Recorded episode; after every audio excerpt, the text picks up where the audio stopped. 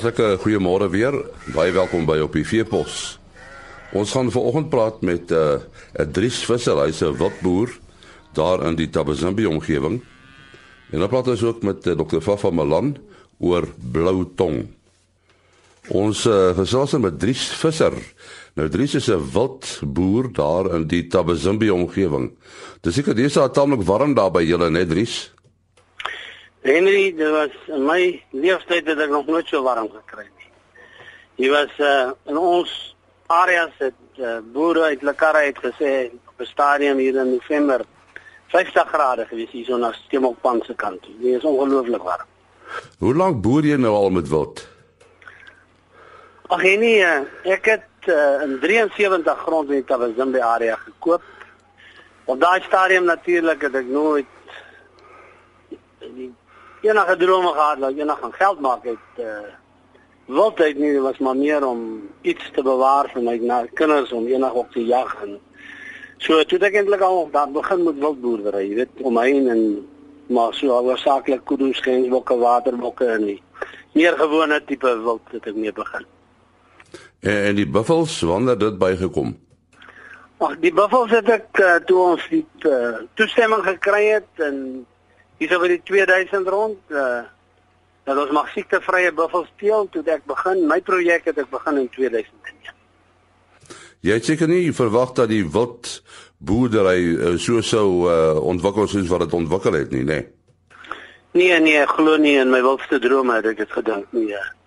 Ag jy weet ek was maar wel lief vir wild. Ek is gebore in die Molopo op die Botswana grens en So ek het maar uh, van kleins af was ek maar deur mekaar met wild gewees. So dit was maar 'n liefde vir die wild, 'n passie vir wild gewees. En gelukkig vir my het dit goed uitgedraai, jy weet. So uh, is die buffel gedeelte die grootste gedeelte van die boerdery op die oomblik. Nee, nee, nee, ek het baie groot uh, swart-wit tens projekte. Ag en hoofsaaklik nou het ek maar alles is is is, is redelik groot by my. Uh, die kleurvariante ook. Uh, uh, swart rooibok, goue wildebees, koningswildebees, uh uh saurig rooibokke, nyala, so jy weet ek het maar probeer maar alles. Ons is natuurlik ook nou ek is al 'n hele klompie jare besig met kuruteelery, intensiewe kuruteelery. En so het ek ook rooibok, gewone rooibok teelery aan die gang. So so jy het begin eintlik uh, om om wild mee te boer om om, om uh, gejag te word. Is dit nog so? Ja, ja, kyk ek is uh, jag al vir uh, seker 89 dink ek as ek die datum reg het met oorseese jagters.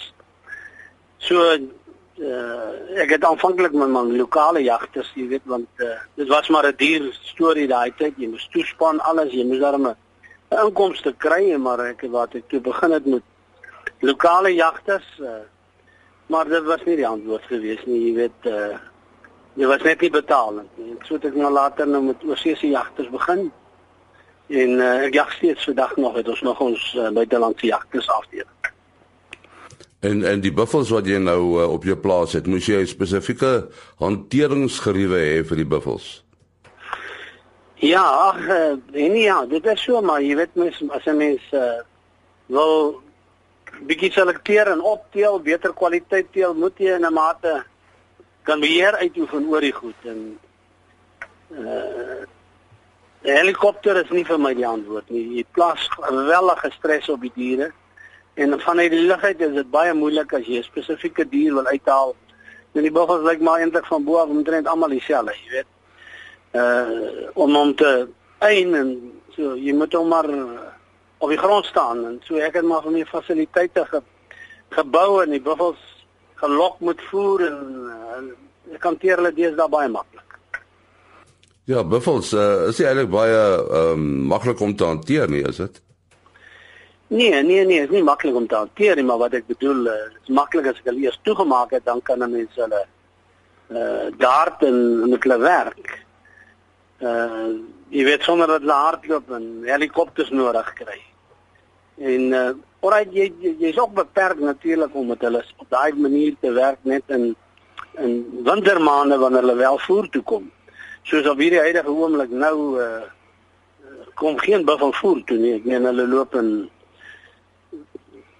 amper 2000 hektaar, jy weet. Uh, so jy sien hulle maar so nou en dan in die veld, uh, maar sodra die dit kom droog word, uh, dan gaan hulle maar weer voer toe kom en dan gaan jy sien. Nou Dries, hoe sien jy die wildbedryf ontwikkel? Ag nee, ek nee, ek dink daar's 'n goeie toekoms. Uh, uh weet dat daar 'n jagmark is daar altyd geld vir wild wees. Uh, uh meen daar is maar fotografies is maar 'n baie klein klein mark uh, met met die met die. En dit sal ook beperk wees net tot sekere groot gebiede waar die jag maak dit nou vir ook vir baie wye vlak uh, al die boere kan en uh, daar kan soveel meer werk uh, geleenthede wees. So ek sien 'n goeie toekoms. Ek dink natuurlik uh, ek uh, sekere vlakke uh, sekere diere het, het hulle plafonne bereik, hulle ceilings bereik wat pryse aanbetref. Maar wat goed is, as die pryse kan begin stabiliseer, sal dit goed wees vir die bedryf, sien dit. So ja, ek sien ek sien uh, dat dit volhoubaar gaan wees en nog lank gaan dit as daar so lank daar 'n jagmark is gaan daar 'n wildbedryf wees. Ja, ons sê baie dankie aan Dries Visser, hy's 'n wildboer daar in die Tabazimbi omgewing. Ons uh, gesels met Dr. Fafa Malan en uh die onderwerp is blou tong. Hoekom is blou tong ekonomies so belangrik, uh, Fafa? Die blou tong is 'n siekte wat periodiek uitbreek, veral as daar baie reën geval het. Want die siekte word deur muggies oorgedra en dan is die rasse wat ingevoer is in ons land, skaaprasse, veral merino vleismarinos hoogs vatbaar vir hierdie siekte. Nou ons weet daar is 26 uh virus soorte ons noem dit serotipes in die land waarvan daar 21 in Suid-Afrika is. Nou in ons enstof is daar 15 van hierdie serotipes. So dit hang ook nou alles af wat die serotipe voorkom en hoe patogenies met ander woorde te veroorsaak hierdie spesifieke serotipe. Nou hierdie blou tong uh oorsaak seer spiere, liggevoeligheid, oors, diere onder water. Dit amper sê stem ooreen met griep aan mense. Nou hierdie seer in die mond vorm en die naam blou tong kom van as die tong geswel is, dan seertjies op die tong ontstaan en eintlik bloedaanvoer ontstaan. Dit is nie altyd dan weesig. Nou die fraktus word eintlik dan veroorsaak deur sekondêre longontsteking wat intree. Nou goed versorgde skape oorleef gewoonlik en ons inheemse rasse is dan ook baie meer bestandig teen hierdie siekte. Maar wat baie interessant is is dat beeste en van ons wild boksoorte kry ook die siekte maar hulle toon nie simptome. Hulle kan dan eintlik as vermeerderaar van die virus geskou word. Nou Dr. Johan van Rooyen het 'n baie praktiese wenke gegee vir die behandeling van hierdie siekte. En hierdie diere is erg onder water. Hulle kan nie loop nie en hulle drink ook nie eintlik baie water nie. So hulle alles is warm weer as ons water. So hy het gesê wat hy doen is om 1 tot 2 liter glucose en soutoplossing te gee. Jy kry hierdie produkte by die koöperasie of by die veearts. Vir wasse skape kan tot 5 liter van hierdie mensel gegee word. As jy baie ver van 'n veearts af is, en koöperasies sê jy opgehoopte teelepel sout, opgehoopte eetlepel suiker en 2 liter water oplossing in. Maar spoel ook die neus en die mond met 'n sterk soutoplossing uit want hierdie neus is gewoonlik geblokkeer. Nou ou kan dan daar eetlepel sout en 'n koppie water gebruik. Belangrik is om hierdie ding aan 'n staal te sit, né? Want eh uh, hulle kos, water hou die vlees weg. Dan kom strooi om op te lê. Nou eh uh, jy kan ook lucerne gee na 24 uur. En dit is baie keer goed om lucerne en gras te verpulp surf en dan te doseer. Dan kan 'n mens uh, antibiotika en anti-inflammatoriese middels gee vir die pyn. Die inspuitbare middels is die beste wat 'n mens by die veearts kry. En oppas om goed hierdie bek in te gee want dit kan mikroorganismes in die groot mens doodmaak. Onthou net 'n virus kan nie doodgemaak word deur antibiotika nie. Dit is vir die sekondêre en die lang werkende tetrasikline middels onthou beskadig ook die spiere wat alreeds aangetref. Vir die voorkoming natuurlik inenting. Nou daar's 15 van hierdie serotipes in die enstof. Die meeste boere ken dit, daar's 'n botteltjie A, B, C. En in elkeen van hierdie botteltjies is daar 5 serotipes. Nou die beste, die enstofpapiertjies staan hulle moet so 3 weke uitmekaar word wat ook Baltus Erasmus wat die enstof eintlik ontwikkel het met sy span sê die optimale periode is 4 weke uitmekaar. Nou weet ons die boere meng die goed, dan gooi dit tyd van die botteltjies weg. Dit is nie wenslik om dit te doen nie.